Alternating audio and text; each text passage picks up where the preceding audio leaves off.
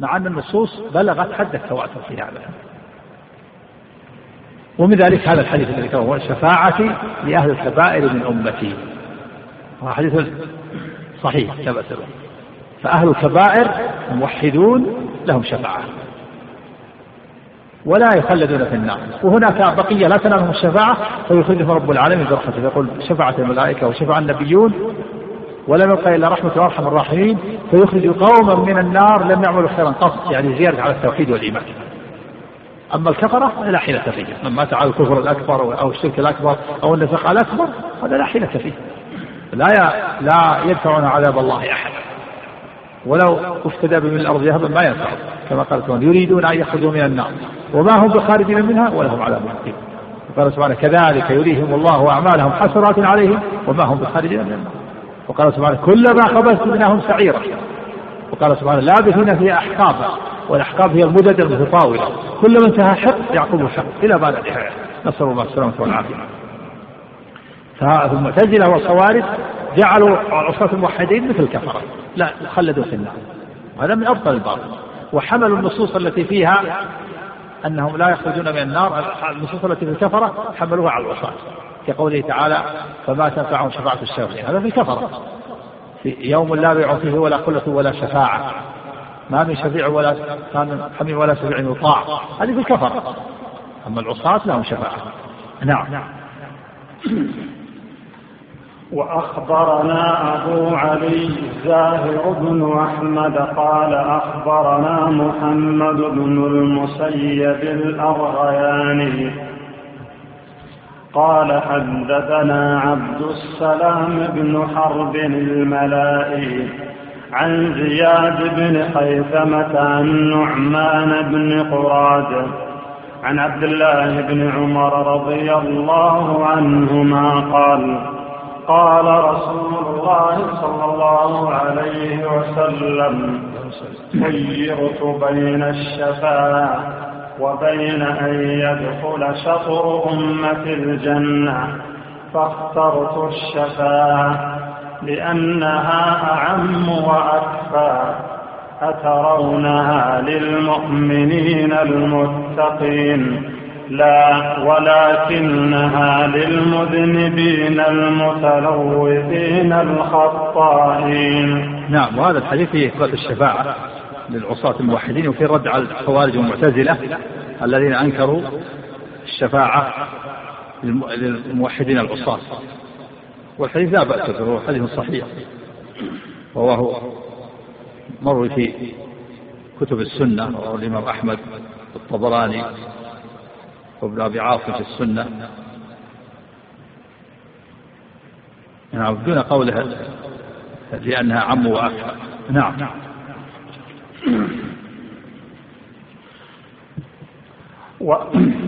أخبرنا أبو محمد المخلدي قال أخبرنا أبو العباس السراج قال حدثنا قتيبة بن سعيد قال حدثنا عبد العزيز بن محمد الزراوردي عن عمرو بن أبي عمرو حاء وأخبرنا أبو طاهر بن خزيمة. قال أخبرنا جدي الإمام محمد بن إسحاق بن خزيمة. قال حدثنا علي بن حجر. قال حدثنا إسماعيل بن جعفر عن عمرو بن أبي عمرو عن سعيد بن أبي سعيد المقبوري. عن أبي هريرة رضي الله عنه أنه قال أنه قال يا رسول الله من أسعد الناس بشفاعتك يوم القيامة؟ فقال لقد ظننت أن لا يسألني عنها. سألني. لا يسألني. فقال لقد ظننت أن لا يسألني عن هذا الحديث أحدا أول منه أحد أول. أحد أول منه بما رأيت من حرصك على الحديث. إن أسعد الناس بشفاعتي يوم القيامة. من قال لا إله إلا الله خالصا من قبل نفسه. نعم وهذا الحديث ثابت. أخرجه البخاري رحمه الله في صحيحه أخرجه الإمام أحمد والبغوي وابن خزيمة وابن أبي عاصم وغيره وهو ثابت. وفيه إثبات الشفاعة لعصاة الموحدين وفيه اشتراط التوحيد في قوله من قال لا إله إلا الله خالصا من قلبه قول خالصا من قلبه هذا التوحيد. وفي رواية من قال لا إله إلا الله صدقا. نفسه. وفي رواية من قال لا إله إلا الله مخلصا. وفي رواية من قال لا إله إلا الله صادقا. فيه أن الشفاعة لا تكون إلا التوحيد بخلاف المشرك الذي لم يخلص عمله لله ليس له شفاعة. ما تعالى الشرك لا حيلة به وكذلك المنافق الذي ما يقوله ما يقوله عن صدق صادقا. المنافق لا يقولها عن صدق. يقولها عن كذب. قال تعالى ومن الناس من يقول آمنا بالله وباليوم الآخر وما هم بمؤمنين. يخادعون الله والذين آمنوا وما يخدعون إلا أنفسهم وما يشعرون والى ان قال ولهم عذاب أليم بما كانوا يكذبون وهم يكذبون في قوله قال سبحانه إذا جاءك المنافقون قالوا نشهد إنك لرسول الله. والله يعلم إنك لرسوله والله يشهد إن المنافقين لكاذبون فمن قال لا إله إلا عن إخلاص وصدق فإنه تنفعه الشفاعة. ولو ولو مات على معاصي. بشرط أن لا يقع في عمله شرك يكون صادق في توحيده. وعمله خالص لله توحيد الخالص فهذا تنفعه الشفاعة. وفيه الرد على المعتزلة والخوارج الذين يقولون ينكرون شفاء الشفاعة لعصاة الموحدين. قولوا خالصا من قبل نفسه وفي لفظ خالصا من قلبه. قال عن إخلاص وعن صدق. اختياره نعم.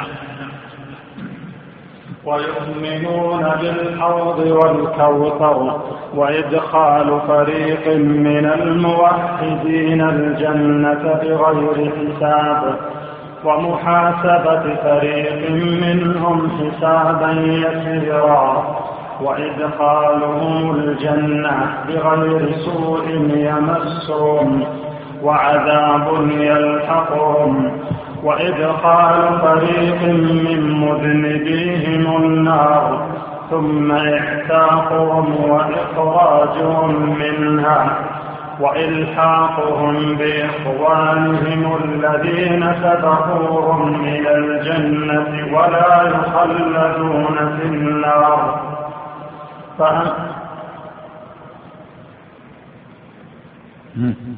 فأما الكفار فإنهم يخلدون فيها ولا يخرجون منها أبدا ولا يترك الله فيها من عصاة أهل الإيمان أحدا. نعم يؤمن أهل أهل السنة والجماعة يؤمنون بالحوض والكوثر.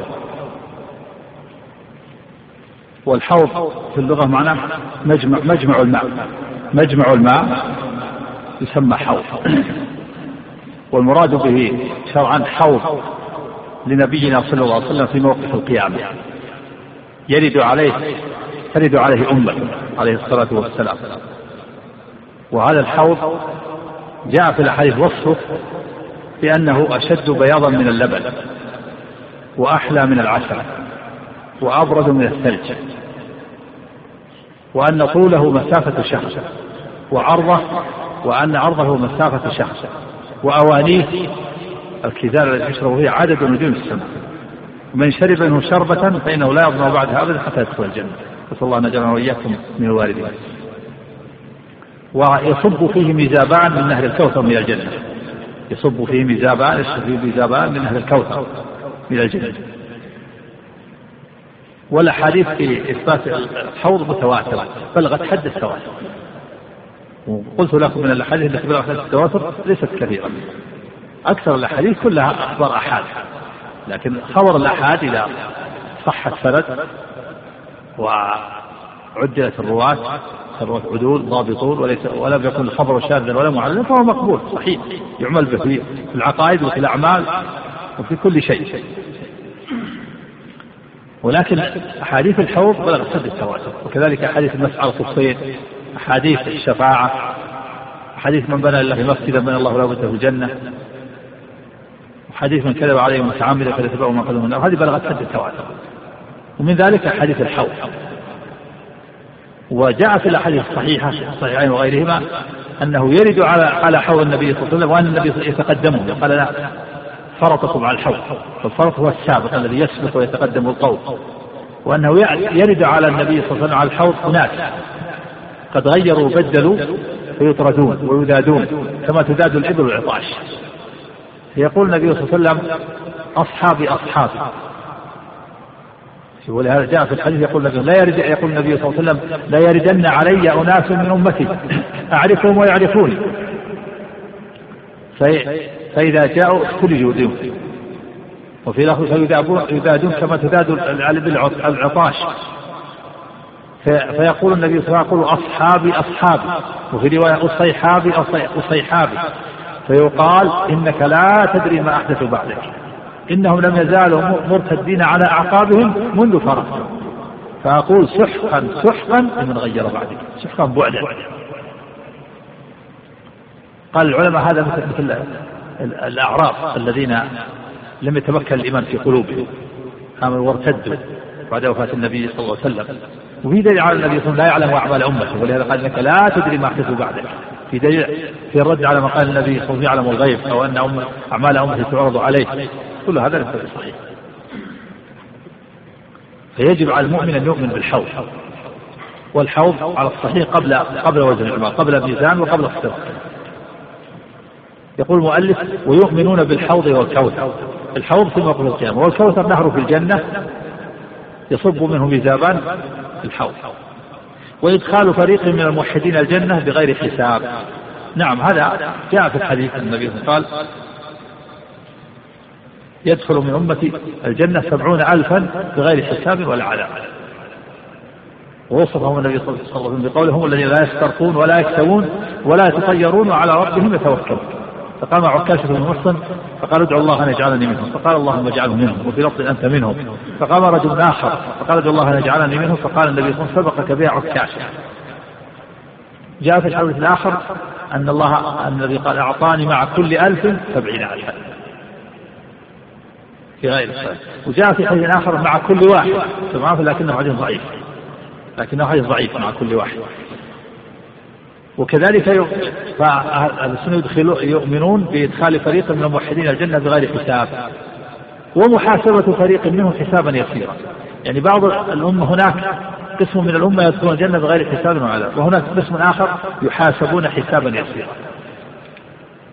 ثم يدخلون الجنة بغير سوء يمسهم وعذاب يلحقهم. والمراد بالحساب اليسير هو العرض. هو العرض. وقد استشكلت عائشة رضي الله عنها صديقة بنت الصديق وقالت يا رسول الله لما قال النبي صلى الله عليه وسلم ليس أحد يحاسب يوم القيامة إلا هلك. ليس أحد يحاسب إلا هلك. فقالت عائشة قلت يا رسول الله أليس قد قال الله؟ فأما من أوتي كتابه بيمينه فسوف يحاسب حسابا يسيرا. فقال رسول الله صلى الله عليه وسلم إنما ذلك العرض وليس أحد يناقش الحساب يوم القيامة إلا عذب. فإذا النبي صلى الله عليه وسلم فسر الحساب في الآية بأنه العرض فأما من أوتي كتابه بيمينه فسوف يحاسب حسابا يسيرا المراد بالحساب العرض تعرض عليه أعماله ولا يناقش. أما من نوقش الحساب فإنه يعذب. من نوقش الحساب عذب. وأما الذي لا يناقش تعرض عليه عرضا فهذا لا يعذب. فيكون الجمع بين الآية والحديث هو هذا. الحديث ليس أحد يحاسب يوم القيامة إلا هذا والآية فأما من أوتي كتابه بيمينه فسوف يحاسب حسابا يسيرا المراد بالحساب في الآية العرض والمراد بالحساب في الحديث المناقشة. فمن نوقش الحساب عذب. وأما في الآية فإنه ليس فيه مناقشة وإنما فيه عرض. وإدخال فريق من مذنبي من مذنبيهم النار ثم إعتاقهم أو وإخراجهم منها. وإلحاقهم بإخوانهم الذين سبقوهم بذلك فيكون الناس أهل الجنة طبقات. الطبقة الأولى يدخلون الجنة بغير حساب ولا عذاب. نسأل الله كريم فضله. الطبقة الثانية من يحاسب حسابا يسيرا فيدخل الجنة بغير سوء ولا عذاب أيضا. بمعنى أنه تعرض عليه أعماله الطبقة الأولى يدخلون الجنة بغير حساب ولا عذاب ولا عرض الطبقة الثانية بعد بعد تعرض عليهم أعمالهم ولكن لا لا يناقشون الحساب. الطبقة الثالثة من يناقش الحساب ثم يعذب. وهم موحدون. ولا بد أن يخرجوا منها إذا عذبوا لا بد أن يخرجوا من النار. وإدخالوا ولهذا قال المؤلف وإدخال فريق من مذنبيهم ثم إعتاقهم وإخراجهم منها وإلحاقهم بإخوانهم الذين سبقوهم إليها. ويعلمون حقا يقينا أن مذنب الموحدين لا يخلدون في النار ولا يتركون فيها أبدا. يعني هؤلاء الذين يناقشون ويعذبوا في النار لا يخلدون. إذا ماتوا على التوحيد.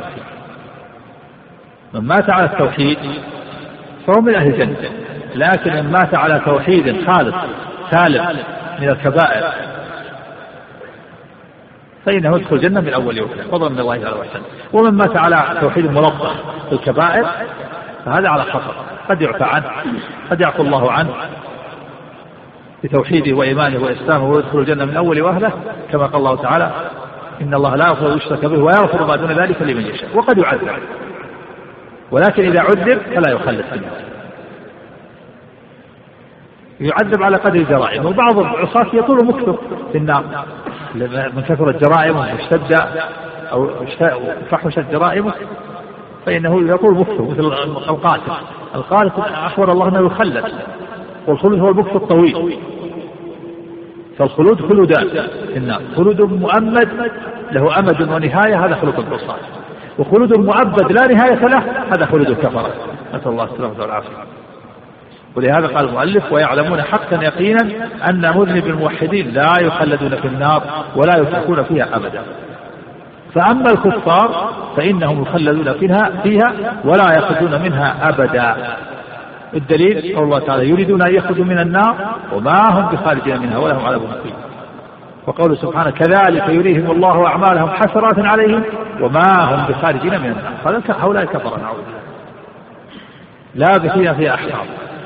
ثم قال المؤلف ولا يترك الله فيها من عصاه؟ من عصاة أهل الإيمان أحدا. عصاة أهل الإيمان لا بد أن يخرجوا ما يخلدون ولو طال مكتب خلافا للخوارج والمعتزلة الذين يقولون بخلود العصاة في النار. هذا من أبطل هذا اعتقاد أهل البدع. أهل البدع يقولون أن العصاة يخلدون في النار مثل الكفرة. وهذا من أبطل الباطل. نعم.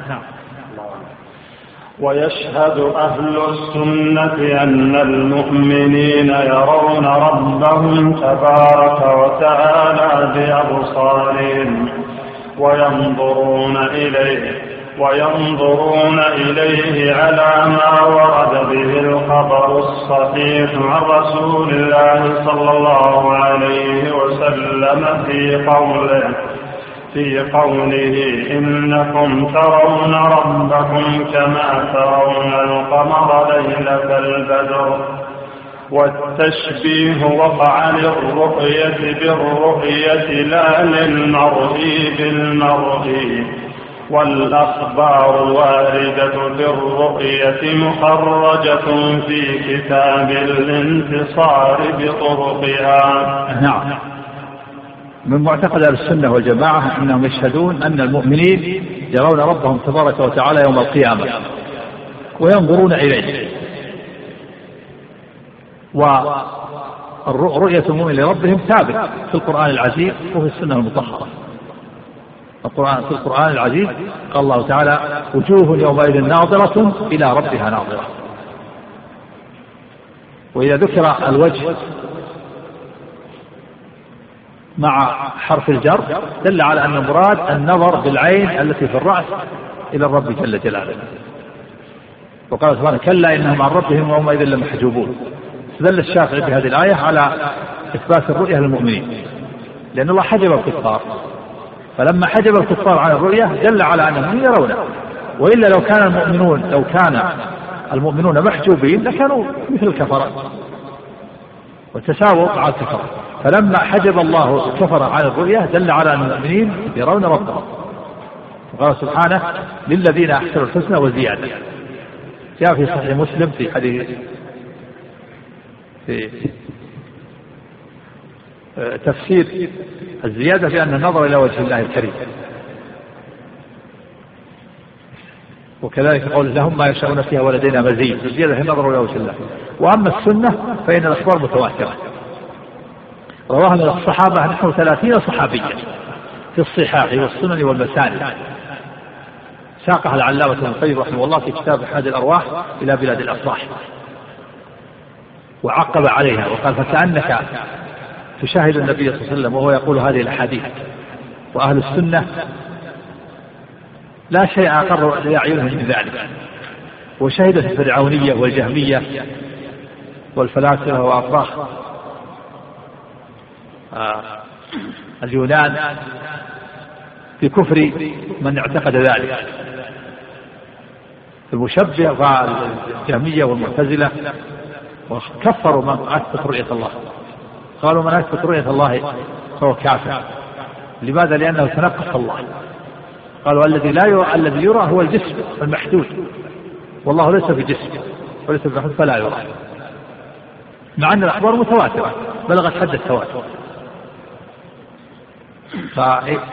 فإذا من عقيدة أهل السنة والجماعة إثبات رؤية المؤمنين لربهم عز وجل يوم القيامة.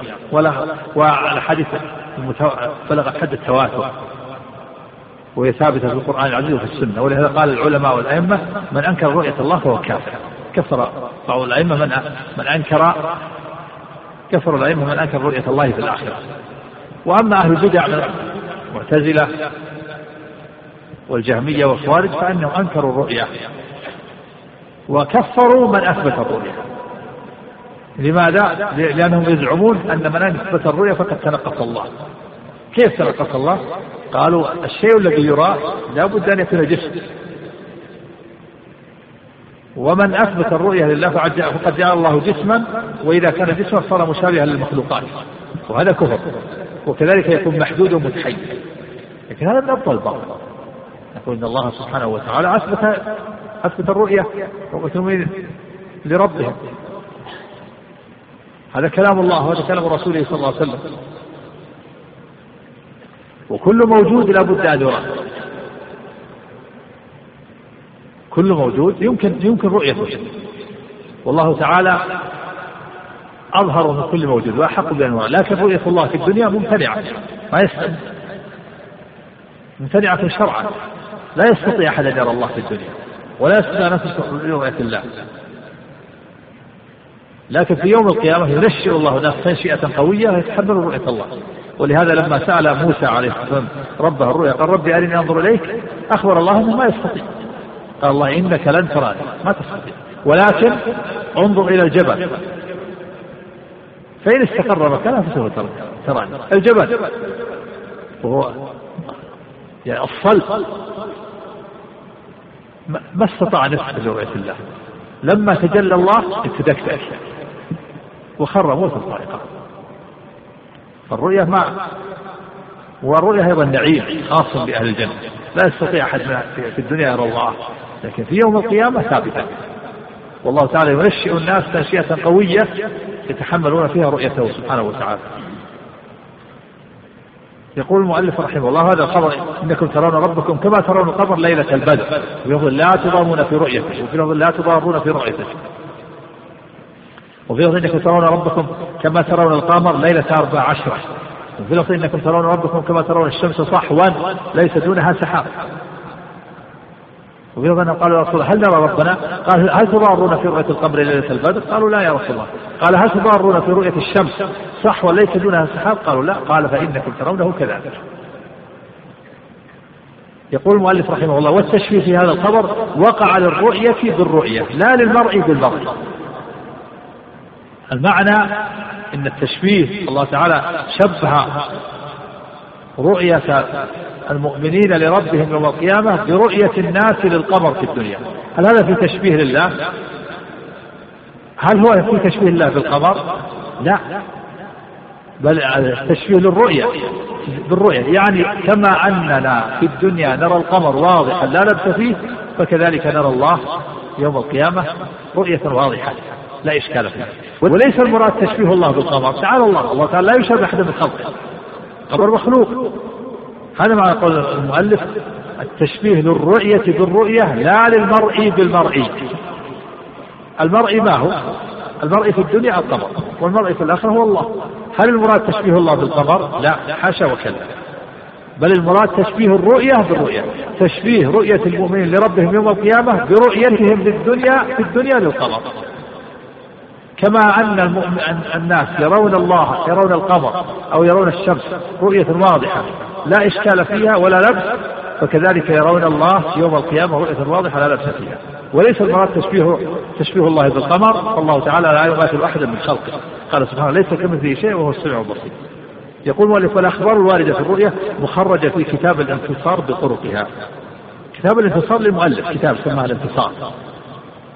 ساق الأدلة ساق الأحاديث التي فيها الرؤية. فإذا أردت أن تتوسع ارجع إلى كتاب المؤلف كتاب الانتصار حتى ترى هذه النصوص. نعم. ما السؤال بعد نعم. ويشهد أهل السنة أن الجنة والنار مخلوقتان مخلوقتان وأنهما باقيتان لا يفنيان أبدا. وأن أهل الجنة لا يخرجون منها أبدا. وكذلك أهل النار الذين هم أهلها خلقوا لها لا يخرجون منها أبدا. وأن المنادي ينادي يومئذ يا أهل الجنة خلود ولا موت ويا أهل النار خلود ولا موت. على ما ورد به الخبر الصحيح عن رسول الله صلى الله عليه وسلم. نعم عندك سقف النسخة النسخة اللي قبل هذا قبل الحديث ويؤمر بالموت فيذبح على سور بين الجنة والنار. هذا في النسخة هذه ثم بعدها الحديث. نعم يقول المؤلف رحمه الله ويشهد أهل السنة ويعتقدون أن الجنة والنار مخلوقتان وأنهما باقيتان لا تفنيان أبدا. هذا عقيدة أهل السنة والجماعة أن الجنة والنار مخلوقتان الآن دائمتان لا تفنيان خلافا للمعتزلة. المعتزلة قالوا الجنة والنار ما خلقت الآن ما تخلقان إلا يوم القيامة. المعتزلة يقول ما في الجنة الآن ولا في جنة ولا نار. متى تخلقان؟ يوم القيامة. وهذا باطل. الله تعالى قال عن الجنة أعدت للمتقين أعدت للكافرين شبهة المعتزلة يقول لو قلنا إن الجنة والنار مخلوقة الآيان الآن وليس فيهما أحد فصار هذا عبث. والعبث محال على الله. ففرارا من ذلك قالوا ما في جنة ولا نار الآن. ما في ما خلقت. متى تخلقان؟ يوم القيامة. هذا قول من؟ قول المعتزلة وقول باطل. والذي عليه السنة والجماعة أن الجنة والنار مخلوقتان الآن. أولا النصوص فيها النص على أن الجنة والنار مخلوق. قال تعالى عن الجنة أعدت للمتقين. وقال عن الكفار أعدت للكافرين. أعدت. شيء مضى وثانيا قول المعتزلة إنه الآن وجودهما الآن ولا وليس فيهما أحد عبث والعبث سبحانه الله. من قال ان الآن ما في حاجة للجنه والنار؟ من قال ان وجودهما عبث؟ الجنة فيها الحور العين وفيها أرواح المؤمنين تنعم في الجنة. المؤمن إذا مات مثل تروح الجنة؟ تتنعم. وأرواح الشهداء في حواصل طير الخضر تصبح في الجنة وتلد أنهار. والكافر إذا مات مثل تروح إلى النار؟ تعذب في النار أعوذ بالله. والمؤمن وجاء في الحديث أن المؤمن إذا مات فتح له باب إلى الجنة فيأتي من روحها وطيبها. والكافر يفتح له باب إلى النار فيأتي من حرها وسمومها. هذا دليل على إيش؟ دليل على أن النار موجودة والجنة موجودة الآن. والله تعالى قال في كتابه العظيم عن آل فرعون النار يعرضون عليها غدوا وعشيا. ويوم تقوم الساعة أدخلوا آل فرعون العرض غدوا وعشيا هذا في الدنيا ولا في الآخرة؟ في الدنيا إذا ما هو موجودة النار هذا من أبطل الباطل قول المعتزلة. ثم أيضا ثبت في الحديث أن النبي صلى الله عليه وسلم في حديث الإسراء أن قال أدخلت الجنة. وفي حديث الكسوف النبي صلى الله عليه وسلم قال كشف له عن الجنة. وتقدم وتقدمت الصفوف قال حتى كأني رأيت دلي عنقود كأني آخذ منها. وكشف له عن النار وتأخر وتأخر في الصفوف حتى خاف عليه الصلاة والسلام. فقول المعتزلة إن الجنة والنار ما ما هم مخلوقتان الآن هذا من أبطل الباطل.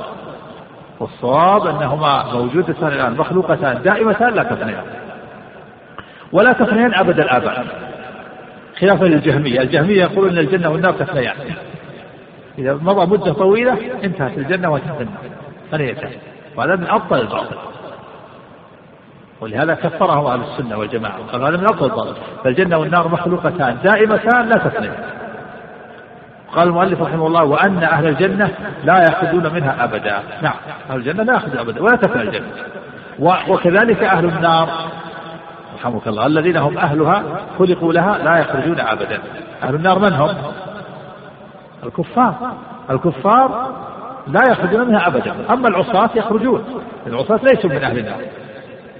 لأن المعصية هذه عارض شيء عارض موحد مؤمنون فال فال فال فالعصاة عصاة المعصية تحتاج إلى تطهير مثل الثوب إذا أصاب نجاسة تغسلها بالماء.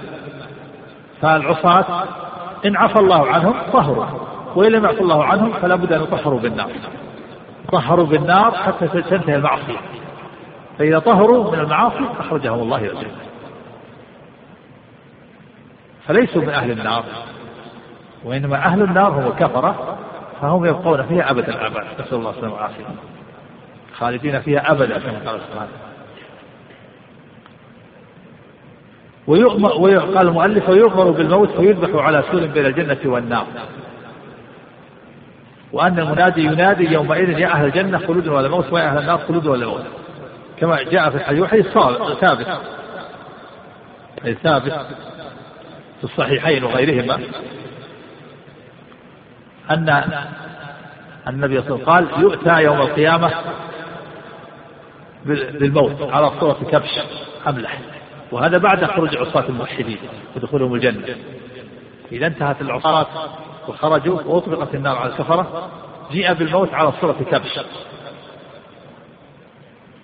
بين الجنة والنار. فيقال يا أهل الجنة أتعرفون هذا؟ فيقول هذا الموت. ويقال يا أهل النار أتعرفون هذا؟ يقول هذا الموت. فيذبح بين الجنة والنار. ويقال يا أهل الجنة خلود ولا موت. ويا أهل النار خلود ولا موت. فيزداد أهل الجنة نعيما إلى نعيمه ويزداد أهل النار حسرة إلى حسرة نسأل الله السلامة والعافية نعم. ومن, ومن مذهب أهل الحديث أن الإيمان قول وعمل ومعرفة يزيد بالطاعة وينقص بالمعصية. قال محمد بن علي بن الحسن بن شفيق سألت أبا عبد الله أحمد بن حنبل رحمه الله عن الإيمان. عن الإيمان في معنى الزيادة والنقصان فقال فقال حدثنا الحسن بن موسى الأشيب قال حدثنا حماد بن سلمة قال حدثنا أبو جعفر الخطمي عن أبيه عن جده عن عمير بن حبيب قال الإيمان يزيد وينقص. فقيل وما زيادته وما نقصانه. قال إذا ذكرنا الله فحمدناه وسبحناه فتلك زيادته. وإذا غفلنا وضيعنا ونسينا فذلك نقصان. نعم. مذهب أهل الحديث والسنة والجماعة أن الإيمان قول وعمل ومعرفة يزيد بالطاعة وينقص بالمعصية. هذا عقيدة أهل السنة والجماعة وهي الصحابة والتابعين والأئمة والعلماء أن الإيمان قول باللسان ينطق بالشهادتين وأشهد أن لا إله إلا الله وأشهد أن محمدا رسول الله. ويذكر الله ويقرأ القرآن ويأمر بالمعروف وينهى عن المنكر ويدعو إلى الله كل هذا من الإيمان. وتصديق بالقلب القلب يصدق ومؤمن معترف وعمل بالقلب يدخل في الإيمان. أعمال القلوب من النية والإخلاص والرغبة والرهبة والمحبة والخشية. وأعمال الجوارح من الصلاة والصيام والزكاة والحج. كل هذه داخلة في مسمى الإيمان. فالإيمان من أربعة أشياء. الأمر الأول قول اللسان وهو الإقرار والنطق. والثاني قول القلب وهو التصديق والإقرار. والثالث عمل القلب والنية والإخلاص. والرابع عمل الجوارح. ولهذا قال المؤلف رحمه الله مذهب أهل الحديث أن الإيمان قول وعمل ومعرفة. قول قول اللسان وقول القلب. وعمل عمل القلب وعمل اللسان. والمعرفة هي هي هي تصديق القلب. يزيد بالطاعة وينقص بالمعصية. إذا فعل الإنسان الطاعات زاد الإيمان. وإذا فعل المعاصي نقص. ولهذا قال كثير من الإيمان قول وعمل. وبعضهم يقول قول باللسان وتصديق بالجنان. وعمل بالأركان عن الجوارح يزيد بالطاعة وينقص بالمعصية ومن العلماء قال قول وعمل ونية فالإيمان قول وعمل والقول شيئان قول القلب وقول اللسان والعمل شيئان عمل القلب وعمل الجوارح. هذا هو قول السنة قاطبة خلافا للمرجئة. المرجئة يقولون الإيمان تصديق القلب فقط. المرجئة أربع طوائف. الطائفة الأولى المرجئة الجهمية المرجئة المحضة. يقولون الإيمان مجرد معرفة الرب بالقلب والكفر جهل الرب بالقلب. فمن عرف ربه بقلبه فهو مؤمن ومن جهل ربه بقلبه فهو كافر. هذا قول جهم مصفر أفسد ما قيل في تعريف الإيمان هو تعريف الجهل. يقول الإيمان معرفة الرب بالقلب والكفر جهل الرب بالقلب. وعلى هذا على هذا التعريف قول الجهم يكون ابليس مؤمن لأنه يعرف ربه بقلبه. وفرعون مؤمن يعرف ربه بقلبه. واليهود مؤمنون لأنهم يعرفون ربهم بقلوبهم. وأبو طالب عم الرسول صلى الله عليه وسلم الذي مات على الشرك مؤمن لأنه يعرف ربه بقلبه. قال ولقد علمت بأن دين محمد من خير أديان البرية دينا الطائفة الثانية الكرامية الذين يقولون الإيمان تصديق الإقرار باللسان فقط. هؤلاء يقولون معرفة القلب وهؤلاء يقولون الإقرار باللسان. فعند الكرامية من نطق بالشهادتين ونطق بلسانه فهو مؤمن. وإذا كان مكذبا بقلبه يكون مخلد في النار. فيكون عندهم يقولون من نطق بلسانه فهو مؤمن كامل الإيمان وإذا كان مكذبا فهو مخلد في النار. فيلزم على قولهم المؤمن كامل الإيمان يخلد في النار. وهذا من أفسد ما قيل الطائفة الثالثة من المرجئة الماتريدية والأشاعرة. يقولون الإيمان تصديق القلب فقط. تصديق القلب. وهو رواية عن الإمام أبي حنيفة. الطائفة الرابعة مرجئة الفقهاء. وهو أبو حنيفة وأصحابه يقولون الإيمان شيئان. إقرار اللسان وتصديق القلب. أما الأعمال ليست داخلة في الإيمان وإن كانت واجبة لكن ليست من الإيمان. ما نسميها إيمان. الصلاة والصوم والزكاة والحج. يقول هذه بر وتقوى ولا نسميها إيمان. مطلوبة. الفرق بينهم وبين الجهمية الجهمية يقول ليست مطلوبة وهؤلاء يقولون مطلوبة. وأما أهل السنة والجماعة وهو مذهب الأئمة الثلاثة مالك والشافعي وأحمد وهو الذي عليه الصحابة والتابعين والأئمة أن الإيمان قول باللسان وتصديق بالقلب وعمل بالقلب وعمل بالجوارح.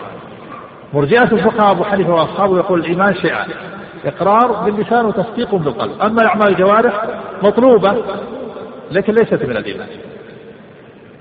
ومن ارتكب الكبيرة عليه الوعيد ويقام عليه الحد. ومن فعل الطاعات له يمدح وله الثواب لكن لا يسميها إيمان. أما الجهمية الأولى يقولون ليست مطلوبة. لو فعل الإنسان جميع الكبائر والمنكرات ما يكفر إلا إذا جهل ربه بقلبه.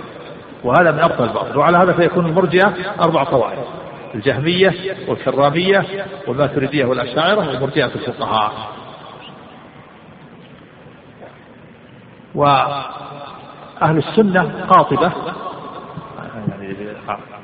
جماهير أهل السنة على أن الأعمال داخلة في مسمى الإيمان نقل المؤلف رحمه الله الإمام أحمد أن الإيمان يزيد وينقص. يزيد إذا فعل لسان الطاعات وينقص إذا فعل المعصية. أما المرجع يقول الإيمان لا يزيد ولا ينقص. شيء واحد في القلب. إيمان أهل الأرض وإيمان أهل السماء واحد. وهو التصديق من صدق بقلبه هو مؤمن. ولا يزيد ولا ينقص. وهذا من أفضل البعض. الإيمان يزيد وينقص إذا فعل لسان الطاعات زاد الإيمان. وإذا فعل المعاصي نقص. ولهذا نقل المؤلف رحمه الله عن الإمام أحمد إلى قوله عن عمير بن حبيب قال الإيمان يزيد وينقص. قيل وما زيارته وما نقصانه قال إذا ذكرنا الله فحمدناه وسبحناه زاد تلك زيارته وإذا غفلنا وضيعنا ونسينا فذلك نقصان. ولهذا قال بعض السلف يقول بعضهم اجلس بنا نؤمن ساعة. فيجلسون فيذكرون الله. نؤمن يعني يزيد إيمان فيجلسون فيذكرون الله. نعم. أخبرنا أبو الحسن بن أبي إسحاق المزكي قال حدثنا أبي قال حدثنا أبو عمرو الخيري قال حدثنا محمد بن يحيى الزهلي ومحمد بن إدريس المكي وأحمد بن شداد الترمذي قالوا حدثنا الحميدي قال حدثنا يحيى بن سليم. سألت عشرة من الفقهاء عن الإيمان فقالوا قول وعمل. سألت هشام بن حسان فقال قول وعمل. وسألت ابن جريج فقال قول وعمل. وسألت سفيان الثوري فقال قول وعمل.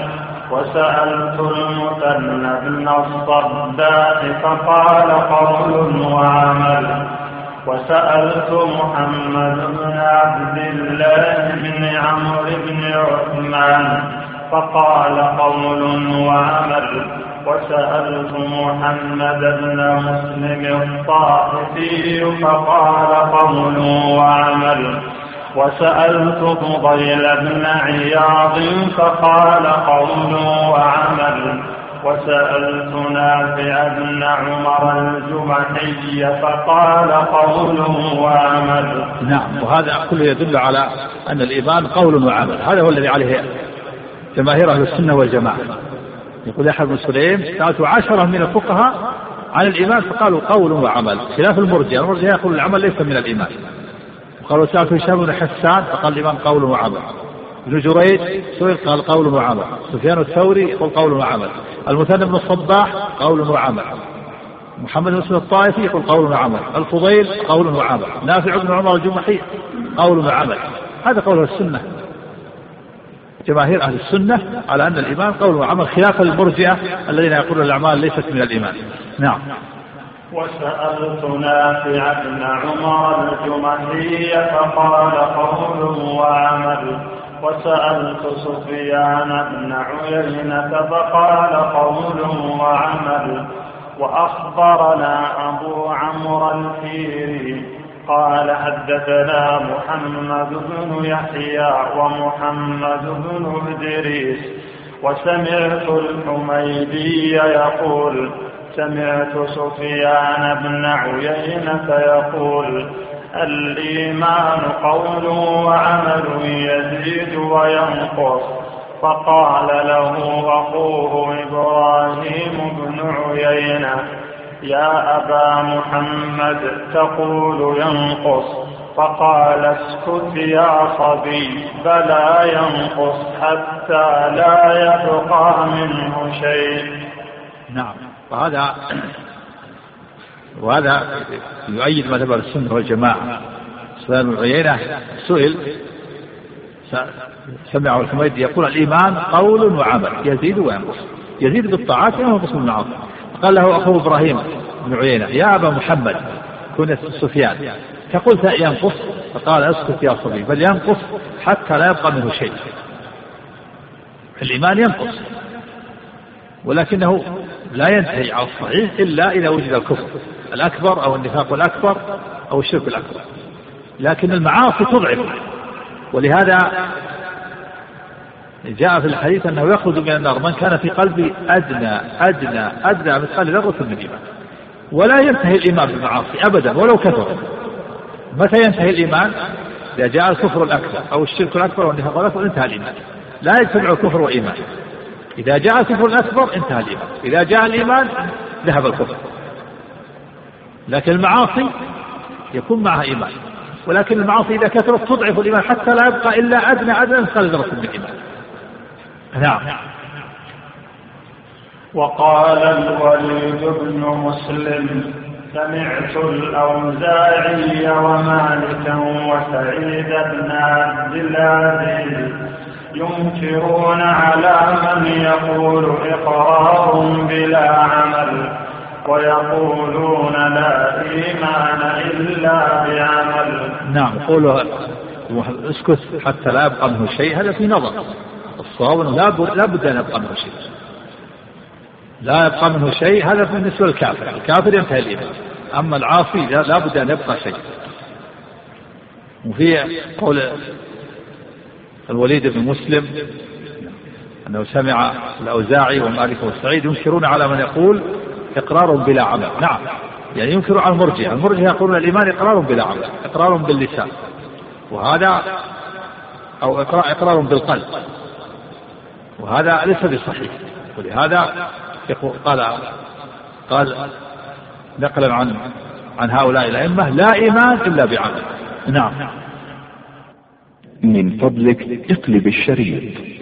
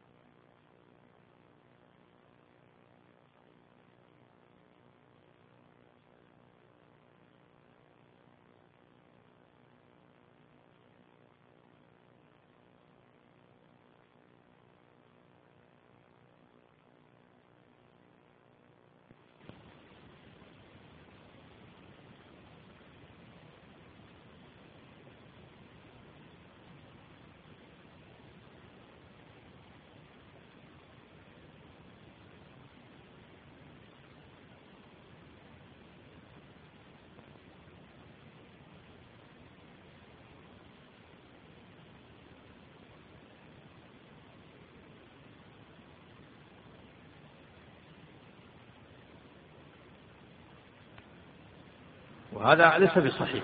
ولهذا يقول قال قال نقلا عن عن هؤلاء الأئمة لا إيمان إلا بعمل. نعم. وقال الوليد بن مسلم سمعت الأوزاعي ومالكا وسعيد بن عبد العزيز ينكرون قرأت هذا بعد قلت. قلت قلت فمن كانت طاعاته وحسناته أكثر فإنه أكمل إيمانا ممن كان قليل الطاعة كثير المعصية والغفلة والرضا. وسمع نعم هذا هذا كلام صحيح.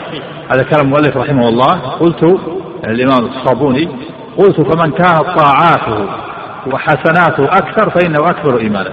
ومن كان قليل الطاعة كثير المعصية والغفلة والإضاعة فإيمانه ناقص هذا صحيح. كل ما كثرت الطاعات والحسنات زاد الإيمان وإذا قلت الطاعات وكثرت المعاصي والغفلة والإعراض نقص الإيمان. هذا قول أهل السنة. نعم. وسمعت الحاكم أبا عبد الله الحافظ يقول سمعت أبا بكر محمد بن أحمد بن باكويه الجلاب يقول سمعت أبا بكر محمد بن إسحاق بن خزيمة يقول سمعت أحمد بن سمعت أحمد بن سعيد الرباطي يقول قال لي عبد الله بن طاهر يا أحمد إنكم تبغضون هؤلاء القوم جهلا وأنا أبغضهم عن معرفة إن أول أمرهم أنهم لا يرون للسلطان طاعة. والثاني أنه ليس للإيمان عندهم قدر. والله لا أستجيز أن نقول إيماني كإيمان يحيى بن يحيى ولا كإيمان أحمد بن حنبل وهم يقولون إيماننا كإيمان جبريل وميكائيل. نعم هذه قصة فيها أن أحمد بن سعيد الرباطي آه، ينقل كلام عبد الله بن طاهر. وهو أحد أمراء الدولة الظاهرية في الشرق الإسلامي كان أميرا على خراسان 17 سنة وكان عادلا. يقول يا أحمد يقول عبد الله بن طاهر الأمير خاطب بن سعيد يا أحمد إنكم تبغضون هؤلاء القوم جهلا وأنا أبغضهم على معرفة. مراده القوم المرجئة تبغضون المرجئة جهلا وأنا أبغضهم على علم. ثم ذكر شيئا من فقال إنهم لا يرون للسلطان طاعة. أهل السنة والجماعة يرون أن أنه يجب طاعة ولي الأمر في طاعة الله عز وجل. إلا إذا أمر بمعصية فلا يطاع. وهؤلاء لا يرون لهم طاعة. وثانيا أنه ليس للإيمان عندهم قدر المرجئة. لأن الواحد يقول من المرجئة إيماني كإيمان جبريل وميكائيل وكإيمان أبي بكر وعمر. يأتي السكير السكير العربيد ويقول إيماني كإيمان أبي بكر وعمر. فإذا قيل كيف أنت السارق والزاني والشارب الخمر يقول إيماني كإيمان أبي بكر وعمر. إذا قل له إذا قيل له عمر أبو بكر وعمر لهم أعمال عظيمة. قال ما لنا دعوة في الأعمال. المهم التصديق. أنا مصدق وهو مصدق. أنا مصدق وأبو بكر مصدق. وأما الأعمال شيء آخر ليست من الإيمان. وهذا من أبطل الباطل. الأعمال من الإيمان. ولهذا لو وزن إيمان أهل الأرض بإيمان أبي بكر لرجح. فيقول الأمير عبد الله بن طاهر إن إن هؤلاء المرجئة أولا لا يرون للسلطان طاعة وثانيا ليس للإيمان عندهم قدر ويقول الواحد منهم إيماني كإيمان أبي بكر وعمر وكإيمان جبريل وميكائيل. يقول عبد الله بن طاهر الأمير والله لا أستجيز أن أقول إيماني كإيمان يحيى بن يحيى ولا كإيمان أحمد بن حنبل. فضلا عن أقول إيماني كإيمان أبي بكر وعمر أو كإيمان جبريل وميكائيل. يعني المعنى أن إيمان الناس متفاوت. متفاوت تفاوت عظيم. أما المرجئة يقولون إيمان أهل الأرض وإيمان أهل السماء سواء. وإيمان أفسق الناس وأعبد الناس واحد شيء واحد. لأن الإيمان هو التصديق والناس يتساوون في التصديق. أما الأعمال فهذه شيء آخر ليست من الإيمان وهذا من أبطل البعض. فالأعمال من الإيمان. نعم.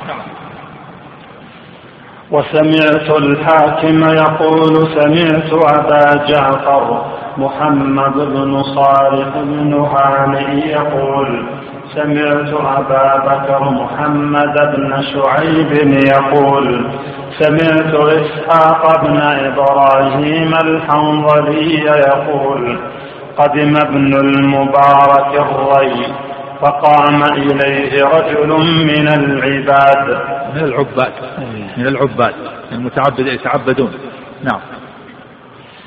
فقام إليه رجل من العباد الظن به أنه يذهب مذهب الخوارج. فقال له يا أبا عبد الرحمن ما تقول في من يزني ويسرق ويشرب الخمر؟ فقال لا أخرجه من الإيمان. فقال يا أبا عبد الرحمن على كبر السن صرت مرجئا. فقال لا تقبلني المرجئة المرجئة تقول حسناتنا مقبولة وسيئاتنا مغفورة. ولو علمت أني قبلت مني حسنة لشهدت أني حسنة حسنة. ولو علمت أني قبلت مني حسنة لشهدت أني في الجنة.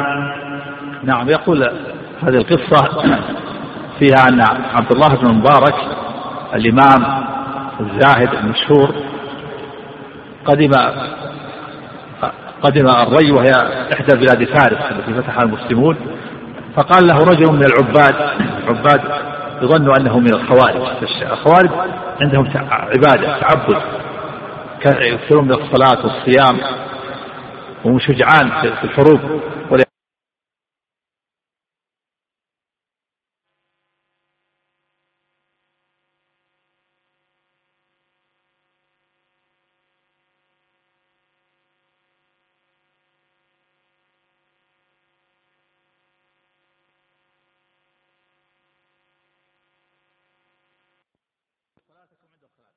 وصيامكم عند الصيام. رهبان بالليل أسود بالنهار. لكن عنده العقيدة الخبيثة وهي تكفير المسلمين بالمعاصي. فقال هذا الخارجي للإمام عبد الله المبارك يا أبا عبد الرحمن ما تقول في من يزني ويسرق ويشرب الخمر خارجي يرى أنه كافر. خوارج يرى أنه كافر. فقال لا أخرجه من الإيمان. عبد الله المبارك لا أخرجه من الإيمان بالمعصية. ضعيف الإيمان لكن ما أقول أنه خارج من الإيمان. فقال الخارجي عبد الله المبارك يا أبا عبد الرحمن على كبر السن صرت مرجئة؟ صرت من المرجئة؟ المرجئة يقول ماذا يقولون المرجئة؟ يقول الأعمال الأعمال ليس ليست داخلة في مسمى الإيمان. فقال عبد الله المبارك لا تقبلني المرجئة، المرجئة يقولون حسناتنا مقبولة وسيئاتنا مغفورة، وأنا ما أستطيع أن أقول هذا، فلو أعلم أني أني قبلت مني حسنة واحدة لشهدت أني في الجنة. لكن لا أستطيع أن أزكي نفسي وأشهد بان بأن عملي مقبول. نعم. ثم ذكر عن ابن شوذب عن سلمة بن قهير عن هزيل بن شرحبيل قال قال عمر بن الخطاب رضي الله عنه لو وزن إيمان أبي بكر بإيمان أهل الأرض لرجع نعم وهذا موقف صحيح وهذا في الرد على المرجئة الذين يقولون إيمان الفاسق كإيمان أبي بكر وعمر. يقول يقول عمر لو وزن إيمان أهل الأرض بإيمان أبي بكر لرجح إيمان أبي بكر بأعماله العظيمة وقوة إيمانه وأعماله العظيمة وجهاده مع النبي صلى الله عليه وسلم وصبره وهجرته وتقدمه في الإسلام وقيامه بالخلافة بعد النبي صلى الله عليه وسلم.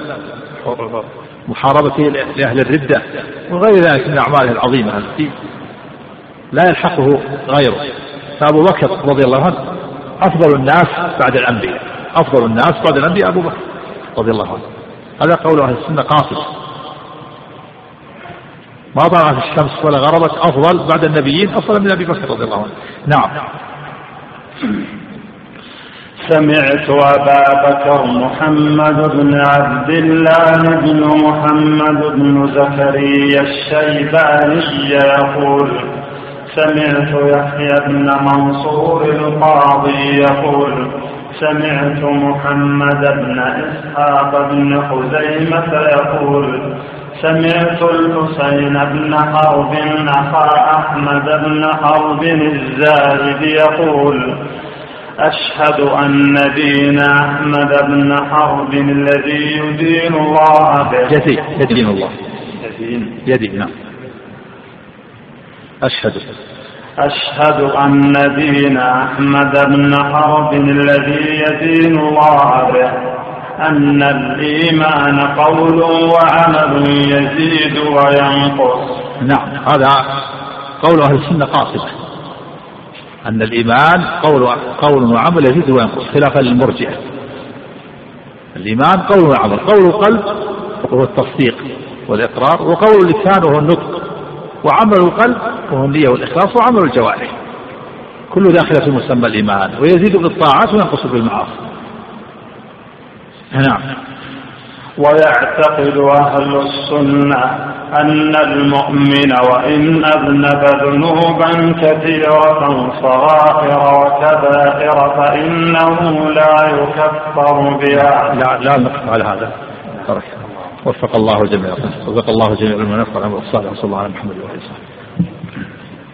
يقول السائل كيف نجمع بين الحديث الذي فيه يدخل فيه الفقراء قبل الأغنياء بخمسمائة سنة وبين قولك إن الله عز وجل يحاسب الخلائق في وقت واحد.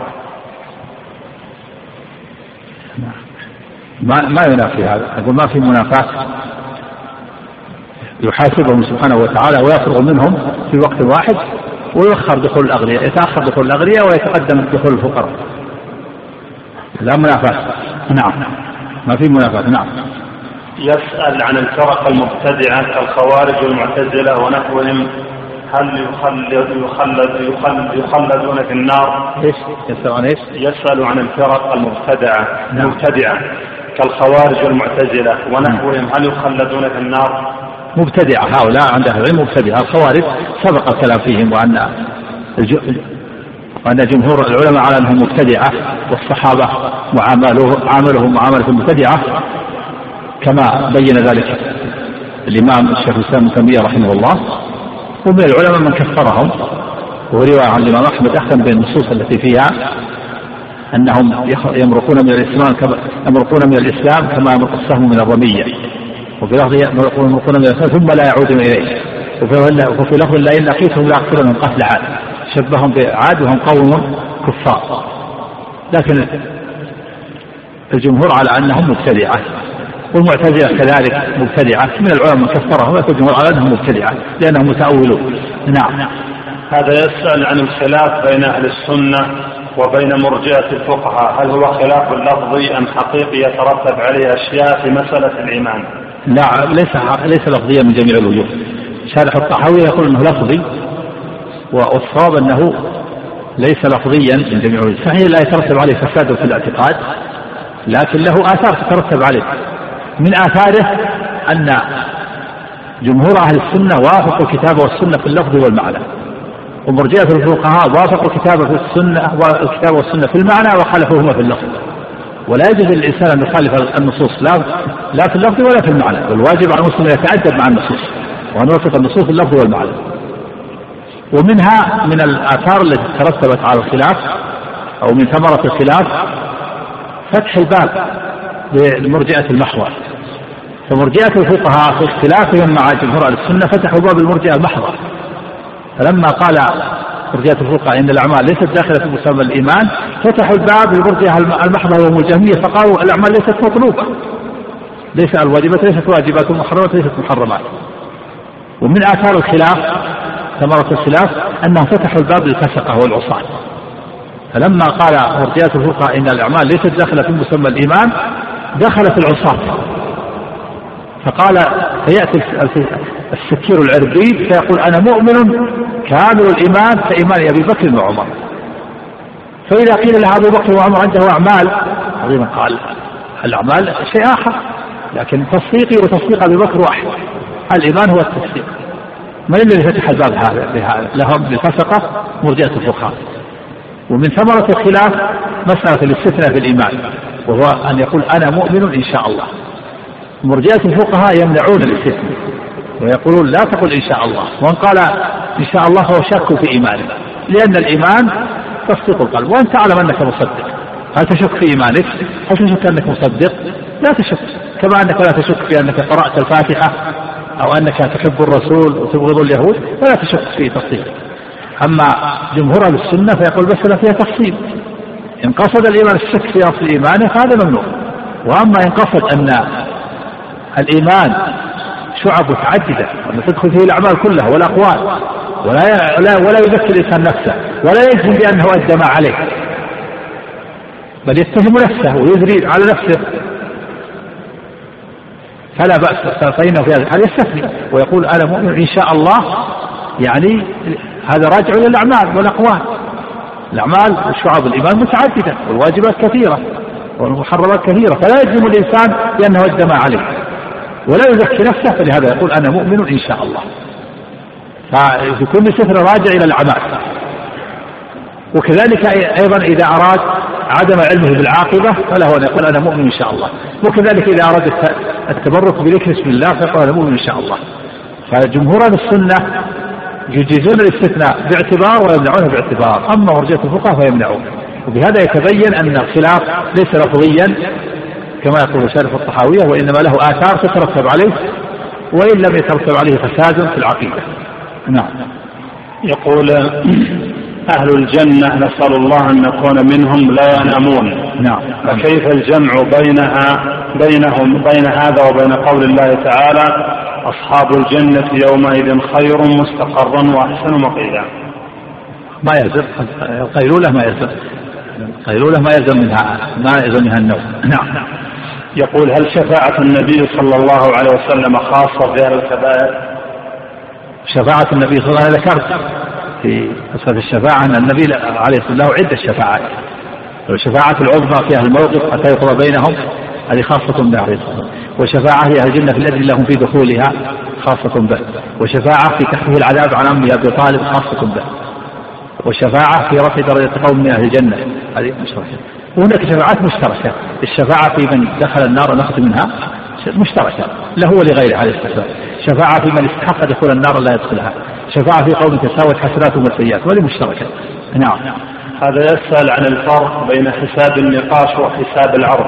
نعم. مثل ما سبق. فأما من أوتي كتابه بيمين فسوف يحاسب حسابه يسيرا المراد بالعرض. تعرض عليه أعماله ولا يناقش. أما من نوقش الكتاب فقد عز فإنه يناقش ويساءل فيعذب. نعم. يقول هل الحوض غير الكوثر؟ من العلماء قال إنه هو الكوثر. والصواب أن الحوض في موقف النبي صلى الله عليه وسلم والكوثر نهر في الجنة يصب فيه ميزابان يصب من الكوثر في في حوض النبي صلى الله عليه وسلم. الحوض في موقف القيامة. والكوثر في الجنة. يصب فيه ميزابان. نعم. يقول هل القسم هل القسم الرابع من الشفاعة وهو الشفاعة لرفع الدرجات أهل الجنة خاصة بالنبي صلى الله عليه وسلم؟ هذه مسألة فيها. الكلام الشفاعات المشتركة هي الشفاعة في خروج العصاة من النار. أما هذه تحتاج إلى إلى إلى تأمل مراجعة. نعم. يسأل عن ما نسب إلى الإمام أبي حنيفة في قوله في الإيمان هل رجع عنه أم لا؟ لا ما ما رجع عنه. وحنيفة له روايتان. الرواية الأولى أن الإيمان الذي عليه جمهور أصحابه أن الإيمان شيئان. قول باللسان وتصديق بالقلب. فقط. وأما الأعمال فليست من الإيمان.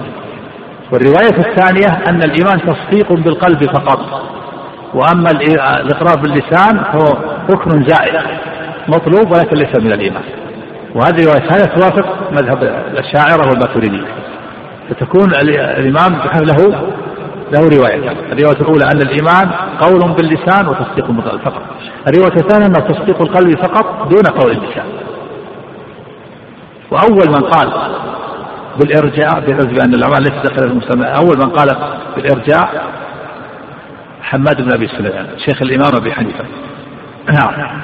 هذا يسأل عن أذكار المساء هل تقال بعد العصر أم بعد المغرب؟ العصر بعد العصر. فسبح بحمد ربك قبل طلوع الشمس وقبل غروبها. بعد العصر وبعد الفجر وبعد الفجر إلى طلوع الشمس وإلى غروبها. وإذا لم تيسر الإنسان بعد بعد العصر وقال بعد المغرب فلا حرج إن شاء الله. نعم. هذا يسأل يقول عن مدى صحة أخبار المهدي المنتظر؟ الأحاديث التي وردت في المهدي أنواع منها ما هو صحيح ومنها ما هو حسن ومنها ما هو ضعيف ومنها ما هو موضوع. لكن الأحاديث يعني في المهدي المهدي خروجه ثابت الحديث ثابتة. الحديث في خروج المهدي ثابتة لا شك فيها. لكن هناك حديث ضعيفة لا يعتمد هناك حديث صحيحة وهناك حديث حسنة نعم. والمهدي هو أول علامات الساعة الكبرى. أول شرط الساعة الكبرى خروج المهدي. وهو محمد بن عبد الله المهدي. كما جاء في الحديث رجل اسمه كاسم النبي صلى الله عليه وسلم وكنيته كنيته محمد بن عبد الله المهدي. من ولد فاطمة. يملأ الأرض عدلا كما ملئت يروى. ويبايع له في وقت بين الركن والمقام. في وقت ليس للناس فيه إمام. المهدي ما يقاتل الناس. لا وإنما يبايع له في وقت ليس للناس فيه إمام كما جاء في الحديث. والأحاديث منها الصحيح ومن الضعيف لكن خروجه لكن الأحاديث ثابتة في خروجه. نعم. يقول هل لكل نبي حوض؟ أم نعم؟ جاء في بعض الحديث أنه لكل نبي حوض ولكن حوض نبينا صلى الله عليه وسلم أعظمها وأكثرها وأحلاها وأكثرها واردة. جعل الله وإياكم من الواردين لها. نعم. يقول من أين يخرج يأجوج ومأجوج من جهة الشرق. كل يأجوج ومأجوج والدجال كلها من جهة الشرق. خلة خارج بين الشام والعراق. نعم. يقول كيف التوفيق بين بين أحاديث الشفاعة لأهل الكبائر والأحاديث المكفرة لتارك بعض بعض الواجبات كالصلاة وغيرها. إيش إيش؟ كيف التوفيق بين. أحاديث الشفاعة نعم لأهل الكبائر والأحاديث المكفرة لتارك بعض الواجبات كالصلاة وغيرها يعتبرون كفارا. نعم لا ما في منافاة. الأحاديث التي فيها تكفير تارك الصلاة معناها ليس ليست معصية صارت صارت ترك الصلاة كفر وإنما الشفاعة تكون لمن فعل المعاصي دون الكفر أما من فعل الكفر فليس له شفاعة من سب الله أو سب الرسول عليه والسلام فعل ذلك أو استهزأ بالله أو بكتابه أو برسله ليس له شفاعة إذا ما فعل ذلك. من اعتقد من اعتقد شريكا لله في الربوبية أو الألوهية أو الأسماء والصفات أو اعتقد أنه يستحق أحد العبادة غير الله سبحانه وتعالى هذا لا شفاعة له إذا مات على ذلك. من أنكر أمرا معلوم من الدين بالضرورة من أنكر ملك من الملائكة أو نبيا من الأنبياء أو قال إن رسالة محمد صلى الله عليه وسلم خاصة بالعرب أو إنه قال إنه بعده نبي أو أنكر البعث أو الجنة أو النار هذا لا شفاعة له. أو أنكر أمرا معلوم بالدين بالضرورة بالدين من أنكر أمرا معلوم من الدين بالضرورة وجوبه أنكر وجوب الصلاة أو وجوب الزكاة أو وجوب الحج. أو أنكر امرا محرما معلوم من الدين بالضرورة أنكر تحريم الزنا أو تحريم الربا أو تحريم الخمر أو تحريم عقوق الوالدين هذا كافر. وكذلك من ترك الصلاة كافر. هذا فعل مكفر من فعل مكفر لا لا شفاعة له. لكن من مات على المعاصي التي دون الكفر هذا له له شفاعة. إذا كان مات على التوحيد والإيمان. نعم. هذه بعض الأسئلة وردت من عبر شبكة المعلومات من أمريكا وبريطانيا وغيرها. يقول السائل في حفظكم الله وأثابكم يا شيخ ما ردكم على من قال إن العمل ليس ركنا في الإيمان واحتج بحديث يدخل الجنة من كان في قلبه مثقال ذرة من إيمان ولم يذكر العمل نعم. الحديث يخرج يدخل الجنة من كان في قلبه مثقال ذرة من إيمان لا بد أن يعمل. لا بد أن يعمل. من مات على إذا مات على التوحيد والإيمان لابد أن يعمل. والصلاة شرط في صحة الإيمان. كما سيأتي يأتينا إن شاء الله في الدرس القادم. المؤلف سيتكلم عن حكم تارك الصلاة.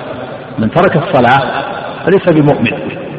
الصلاة شرط في صحة الإيمان. وعلى هذا من ترك الصلاة وهو قادر فلا فلا يكون مؤمنا.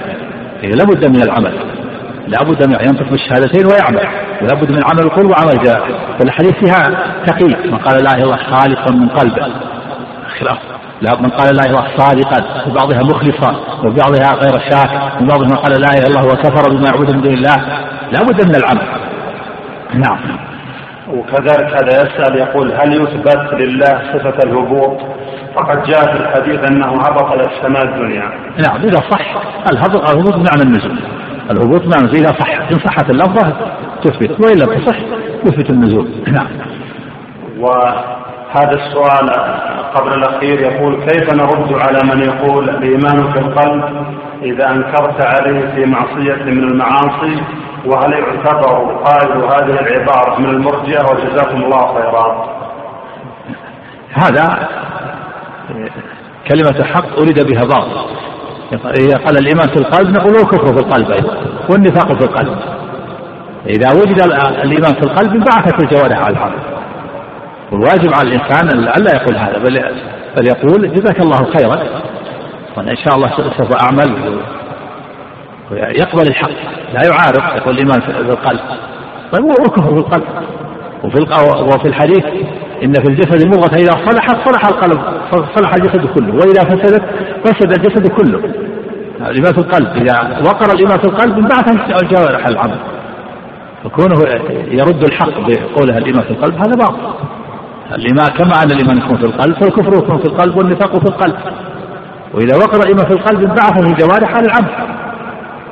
هذا لا لا يعني هذه لا ينبغي للمسلم أن يرد الحق في مثل هذا ويقول الإيمان في القلب. يقول جزاك الله خيرا. والمعصية دليل على ضعف الإيمان في القلب. إذا ضعف الإيمان في القلب جاءت المعاصي نعم وإذا قوي الإيمان وقوي الإخلاص وقوي الصدق في القلب أحرق الشبهات والشهوات جميعا. إذا قوي الإخلاص والصدق في القلب أحرق الشبهات والشهوات. وإذا ضعف الإيمان في القلب جاءت المعاصي جاءت الشبهات والشهوات. نعم. يقول السؤال الأخير نرجو منكم حفظكم الله توجيهنا إلى بعض كتب السلف لدراستها والنهل منها. نعم كتب السلف كثيرة والحمد لله. لكن المبتدئ يبتدئ بالرسائل الصغيرة المبتدئ يبتدئ بالرسائل من رسائل الشيخ الإمام محمد بن الوهاب رحمه الله رسالة الأصول الثلاثة ورسالة كشف الشبهات والقواعد الأربع ثم كتاب التوحيد ورسالة العقيدة الواسطية للشيخ الإسلام ابن تيمية رحمه الله رسالة عظيمة في في باب الأسماء والصفات و وكذلك في الصحابة وفي الأعمال في باب الدين والأسماء. رسالة عظيمة تكتب بماء الذهب. أوصيكم. يعني طالب العلم أن يحفظها أولا. وكذلك أيضا يترقى طالب العلم شيئا بعد شيء حموية لشيخ الإسلام والتدمرية والطحاوية وكتب وكتب السنة كثيرة. كتاب الإيمان شيخ الإسلام ابن تيمية رحمه الله كتاب الإيمان لابن مندة كتاب الإيمان لابن أبي شيبة كتاب الإيمان لأبي عبيدة القاسم بن سلام. ورسالة هذه معنا الصابوني عقيدة السلف وأصحاب الحديث. الإيمان لابن بطة وكتب كثيرة في هذا. ويتلقى طالب العلم شيئا بعد شيء وفق الله جميع إخلاصه ورزق الله جميع المنافع والأمر الصالح. وصلى الله على محمد وآله وصحبه وسلم. بسم الله الرحمن الرحيم. الحمد لله رب العالمين وصلى الله وسلم على نبينا محمد وعلى آله وصحبه أجمعين. أما بعد فقال الإمام شيخ الإسلام أبو عثمان الصابوني رحمه الله تعالى ويعتقد أهل السنة أن المؤمن وإن أذنب ذنوبا كثيرة صغائر وكبائر فإنه لا يكفر بها وإن خرج عن الدنيا غير تائب منها ومات على التوحيد والإخلاص فإن أمره إلى الله عز وجل. شاء عفا عنه وأدخله الجنة يوم القيامة سالما غانما غير مبتلى بالنار ولا معاقب على ما ارتكبه واكتسبه ثم استصحبه إلى يوم القيامة من الآثام والأوزار وإن شاء عاقبه وعذبه مدة بعذاب النار وإذا عذبه لم يخلده فيها. بل اعتقه واخرجه منها إلى نعيم دار القرار. بسم الله الرحمن الرحيم، الحمد لله رب العالمين والصلاة والسلام على أشرف الأنبياء والصلاة والسلام على أشرف الأنبياء والمرسلين نبينا محمد وعلى آله وصحبه أجمعين. أما بعد فهذا فيه بيان عقيدة السنة والجماعة في أصحاب الذنوب وأصحاب الكبائر من المسلمين. يبين المؤلف رحمه الله أن عقيدة السنة والجماعة في الموحدين الذين يرتكبون الكبائر ويموتون عليها من غير توبة أنهم تحت مشيئة الله. إن شاء الله تعالى عفى عنهم وغفر لهم بتوحيدهم وإحسانهم وأدخلهم الجنة من أول وهلة وإن شاء سبحانه وتعالى عذبهم بذنوبهم على قدر جرائمهم ثم يخرجهم منها إلى إلى الجنة. كما قال الله عز وجل في كتابه المبين إن الله لا يغفر يشرك به ويغفر ما دون ذلك لمن يشاء. وإذا عذب بالنار فإنه يخرج منها. في النهاية لا بد أن يخرج منها. إما بشفاعة الشافعين أو برحمة أرحم الراحمين. وتواترت الأخبار عن رسول الله صلى الله عليه وسلم بأنه يدخل النار جملة من أهل الكبائر. مؤمنون موحدون مصلون ولا تأكل النار وجوههم أثر السجود؟ فيعذبهم الله. مدة ثم يخرجهم. قد ثبت النبي صلى الله عليه وسلم يشفع أربع شفاعات. كذلك بقية الأنبياء يشفعون. وكذلك الملائكة يشفعون والأفراط يشفعون والصالحون يشفعون وتبقى والشهداء يشفعون وتبقى بقية لا تنالهم الشفاعة فيخرجهم رب العالمين برحمته. يقول الرب سبحانه وتعالى شفعت الملائكة وشفع النبيون و و ولم يبقى إلا رحمة وأرحم الراحمين فيخرج قوما من النار لم يعملوا خيرا قط يعني زيادة على التوحيد والإيمان. هذا عقيدة أهل السنة والجماعة خلافا للخوارج والمعتزلة. الذين يقولون أن صاحب الكبيرة يخلد في النار. هذا مذهب باطل. أنكره عليهم أهل السنة وبدعوهم وضللوهم وصاحوا بهم لأن النصوص في إخراج العصاة من النار متواترة ومع ذلك أنكرها أهل البدع من الخوارج والمعتزلة. فالواجب على المسلم أن يعتني بهذا الأمر وأن يعتقد ما يعتقده أهل السنة والجماعة. لأن صاحب الكبيرة لا يخلد في النار خلافا للخوارج المعتزلة الذين يرون أنه يخلد في النار وهذا مذهب باطل. الخوارج عندهم أن الزاني يكفر ويخلد في النار. من شرب الخمر كفر وخلد في النار. وكذلك المعتزلة يخرجونه من الإيمان ولا يدخلونه في الكفر لكن يخلدون في النار. كالخوارج. من تعامل بالربا عند الخوارج كفر وخلد في النار كالكافر سواء بسواء نعوذ بالله. من عق والديه كفر وخلد في النار وهذا مذهب باطل. لأهل السنة والجماعة ضعيف الإيمان. ما يكفر لكن يكون ناقص الإيمان. ضعيف الإيمان. ولا يخلد في النار وهو تحت المشيئة مشيئة الله. إن شاء الله غفر له وإن شاء عذبه ثم أخرجه. كما قال المؤلف رحمه الله هنا قال ويعتقد أهل السنة أن المؤمن وإن أذنب ذنوبا كثيرة صغائر كانت وكبائر فإنه لا يكفر بها. هذا عقيدة السنة والجماعة. من الذي يقول يكفر بها؟ الخوارج والمعتزلة وإن خرج وإن خرج من الدنيا غير تائب منها. هذا هو محل النزاع محل النزاع إذا خرج من الدنيا غير تائب أما من فعل الكبيرة ثم تاب تاب الله عليه. هذا بالاتفاق. من تاب تاب الله عليه قبل الموت. حتى الشرك والذنوب. من تاب من الشرك تاب الله عليه قبل الموت. الله تعالى عرض التوبة على المثلثة النصارى الذين يقولون إن الله ثالث ثلاثة ومع ذلك عرض الله عليهم التوبة. قال الله تعالى لقد كفر الذين قالوا إن الله ثالث ثلاثة وما من إله إلا إله واحد وإن لم ينتهوا عما يقولون ليمسن الذين كفروا منهم عذاب أليم أفلا يتوبون إلى الله ويستغفرونه التوبة تجب ما قبله جميع الذنوب. ليس هناك ذنب لا يغفر أبدا. قال الله تعالى قل يا عبادي الذين أسرفوا على أنفسهم لا تقنطوا من رحمة الله. إن الله يغفر الذنوب جميعا. يعني لمن تاب؟ أجمع العلماء على أن هذه الآية في التائبين من تاب؟ تاب الله عليه.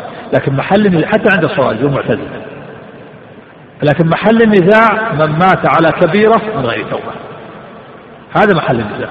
أهل السنة يقول عندهم ضعيف الإيمان. ناقص الإيمان وضعيف الإيمان وتحت المشيئة. قد يعفى عنه وقد يعذب. قد يعذب في قبره. قد تصيب الشدائد وهو في موقف في موقف القيامة. وقد يعذب بالنار وقد يعفى عنه. أما الخوارج المعتزلة يقولون كافر ومخلد في النار. نسأل الله السلامة والعافية. يجب على طالب العلم أن يعتني بهذا الأمر حتى لا يقع في معتقد أهل أهل البدع. يقول المؤلف رحمه الله وإن وإن خرج من الدنيا غير تائب منها ومات على التوحيد والإخلاص فإن أمره إلى الله عز وجل. إن شاء عفى عنه وأدخله الجنة يوم القيامة سالما غانما غير مبتلى بالنار ولا معاقب على ما ارتكبه من الذنوب واكتسبه ثم استصحبه إلى يوم القيامة من الآثام والأوزار وإن شاء عفى عنه وعذبه مدة بعذاب النار. وإذا عذبه لم يخلده فيها. وإن شاء عاقبه وإن شاء عاقبه وعذبه. وإن شاء عاقبه وعذبه مدة بعذاب النار. وإذا عذبه لم يخلده فيها. بل اعتقه واخرجه منها إلى نعيم دار القرار. الدليل على هذا الآية الكريمة. إن الله لا يغفر يشرك به ويغفر ما دون ذلك لمن يشاء. هذه الآية في غير التائبين. فإن الله سبحانه خص وعلق.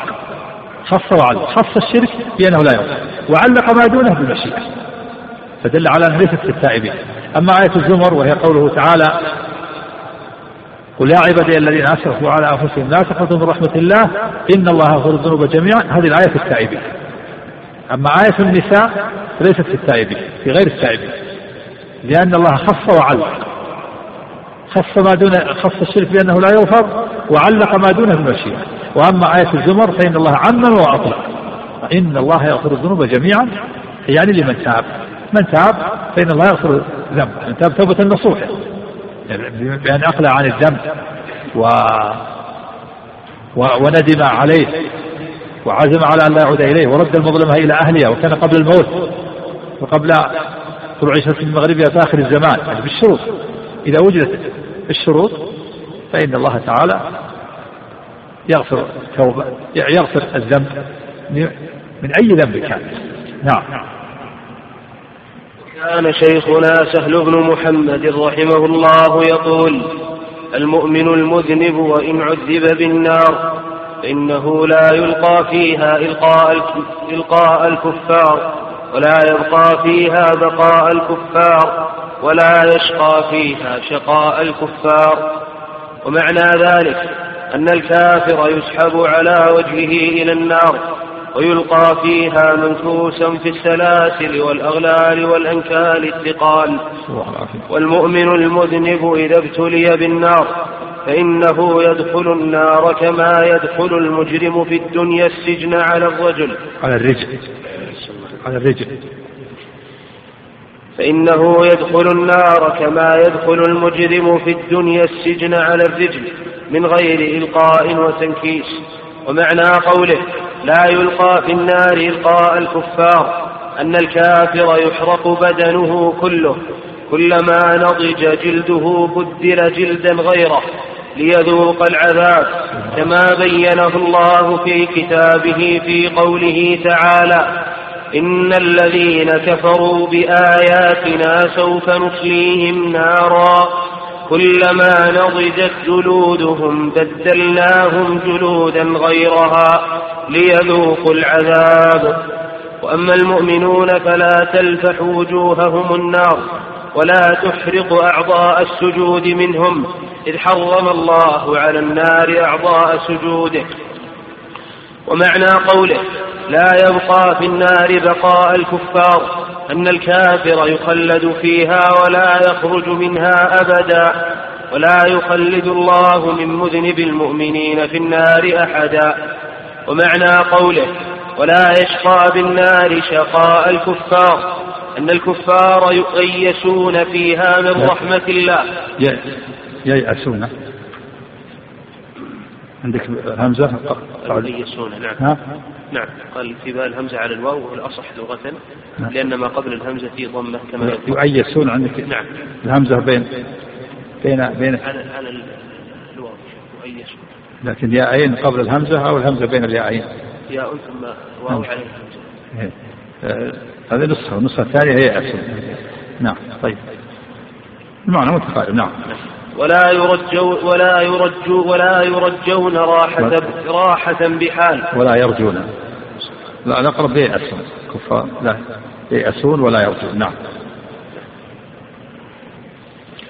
وأما المؤمنون فلا ينقطع طمعهم من رحمة الله في كل حال. وعاقبة المؤمنين كلهم الجنة لأنهم خلقوا لها وخلقت لهم فضلا من الله ومنا. نعم. هذا الكلام الذي نقله المؤلف رحمه الله عن شيخه سهل بن محمود السعودي رحمه الله يبين فيها الفرق بين المؤمن العاصي الذي يعذب بالنار والكافر. قال بينهما بينهما فروق ثلاثة. الفرق الأول أن أن الكافر إذا دخل النار آه، يلقى منكسا على رأسه يدفع ويلقى منكس في سلسلة ذرعها سبعون ذراعا فالسكوت يؤتى به ويقذف في النار على أم رأسه ويدخل في السلسلة. سلسلة من النار. ذرعها سبعون ذراعا فالسكوت أما المؤمن يدخلها على رجله. يدخلها مثل السديد اللي يدخل في الدنيا يدخلها ويمشي على رجله. يمشي على رجله ويدخل النار. أما الكافر ينكس فيها تنكيس على أم رأسه. يلقى في يقذف فيها قذف نسأل الله العافية. المسألة أو الفرق الثاني أن الكافر تغمره النار من جميع الجهات وتحرق بدنه. يصلون فيها يصلون. أما المؤمن فهو لا تغمره من جميع الجهات بل تلهبه النار على حسب أعماله. تلهبه تلهبه لهبا آه، قد تصل النار إلى إلى ركبتيه إلى كعبيه إلى حقويه على حسب معاصي أما الكفرة من جميع الجهات تغشاهم النار. لهم من جنة جهنم مهاد ومن فوق غواش يصلون من جميع الجهات. الثالثة الأمر الثالث أن الكافر ييأس من رحمة الله. ليس له طمع في أن يخرج من النار. بل هو يائس والعياذ بالله أبد الآباد. وأما المؤمن فإنه لا يأس بل يرجو يرجو رحمة الله ويرجو الخروج من النار لأن خروجه مؤقت. لأن دخوله مؤقت. دخوله مؤقت لأن المؤمن الموحد أصله. الأصل أنه من أهل الجنة. خلق في الجنة. لكن هذه المعاصي خبث لا بد أن يطهر منها. منهم من يطهر, يطهر منها بعفو الله. فإذا عفى الله عنه طهر منها. وإذا لم يعفو الله عنه فلا بد أن يطهر بالنار. تطهر مثل النجاسة التي تصيب الثوب والبدن. لا بد من غسلها. فنجاسة المعاصي تغسل بالنار إذا لم يعفو الله عنه. حتى يطهر فإذا طهر أخرج منها بشفاعة الشافعين أو برحمة أرحم الراحمين هذا كلام إيش؟ أبو الطيب يقول إن الفرق بين دخول الكافر ودخول المؤمن من ثلاثة أوجه. ننظر إلى كلامه يقول وكان شيخنا الإمام ابو, أبو الطيب رحمه الله يقول المؤمن المذنب وان عذب بالنار فإنه لا يلقى فيها إلقاء الكفار ولا يبقى فيها بقاء الكفار ولا يشقى فيها شقاء الكفار. ومعنى ذلك أن الكافر يسحب على وجهه إلى النار. ويلقى فيها منكوسا في السلاسل والأغلال والاكال والثقال والمؤمن المذنب إذا ابتلي بالنار فإنه يدخل النار كما يدخل كما يدخل المجرم في الدنيا السجن على الرجل على رجله مو على أم رأسه. الكافر نكس على أم رأسه. والمؤمن العاصي يدخل النار على رجله من غير إلقاء وتنكيس. ومعنى قوله لا يلقى فيها إلقاء الكفار أن الكافر يحرق بدنه كله من جميع الجهات. وكلما نضج جلده بدل جلدا غيره ليذوق العذاب كما بين الله في كتابه في قوله عز وجل إن الذين كفروا بآياتنا سوف نصليهم نارا. يعني من جميع الجهات. كلما نضجت جلودهم بدلناهم جلودا غيرها ليذوقوا العذاب. وهذا تبديل تبديل تجديد يعني يجدد الجلد. وهو معنى يؤخذ بجلود أخرى نفس الجلد. يجدد يعني, يعني يبل يبدل يعني يجدد. كلما نضج جدد من جديد حتى يستمر في العذاب نسأل الله السلامة وأما المؤمن وأما المؤمن فلا تلفح وجوههم النار. ولا تحرق أعضاء السجود. ما تلفح وجوههم النار. الكافر تلفح وجهه النار. والمؤمن ما تلفح وجهه النار. المؤمن المصلي ما تأكل النار مواضع السجود الجبهة واليدين والركبتين ما مكان السجود ما ما تأكله النار. تأكل بقية جسده. أما الكافر الكافر غير مصلي. تلفح تلفحه النار من جميع الجهات نعوذ بالله. ولهذا قال المؤلف وأما المؤمنون فلا تلفح وجوههم النار ولا تحرقوا أعضاء السجود منهم إذ حرم الله على النار أعضاء السجود ولهذا جاء في الحديث الصحيح المتفق عليه وحرم الله على النار أن تأكل أثر السجود. وفي اللفظ الآخر كل ابن آدم تأكله النار إلا أثر السجود. ومعنى قوله لا يبقى في النار بقاء الكفار أن الكافر يخلد فيها ولا يخرج منها أبدا. ولا يخرج الله من مذنب المؤمنين في النار أحدا. الكافر مخلد. خلودا مؤبد والمؤمن العاصي لا يخلد. وإن خلد إن طال مكته بعض العصاة يطول مكته لكن يخلد خلودا مؤمد له أمد ونهاية. وخلود الكفار خلود مؤبد لا نهاية له. وخلود المؤمنين خلود مؤمد له نهاية. ولهذا قال الله تعالى في القاتل مخلد خالدا فيه. فالخلود خلودان خلود مؤبد لا نهاية له هذا خلود الكفرة. والثاني خلود مؤمد له أمد ونهاية هذا خلود العصاة الذين اشتدت جرائمهم أو كثرت ولهذا قال ومعنى قول لا يشقى بالنار شقاء الكفار أن الكفار ييأسون فيها من رحمة الله ولا يرجون راحة بحال. وأما المؤمنون فلا ينقطع طمعهم من رحمة الله يعني المؤمن العصاة الذين دخلوا النار. فلا ينقطع طمعهم من رحمة الله في كل حال وعاقبة المؤمنين كلهم الجنة. النهاية ختم النهاية لأنهم خلقوا لها وخلقت لهم فضلا من الله ومنه. نعم. واختلف أهل الحديث في ترك المسلم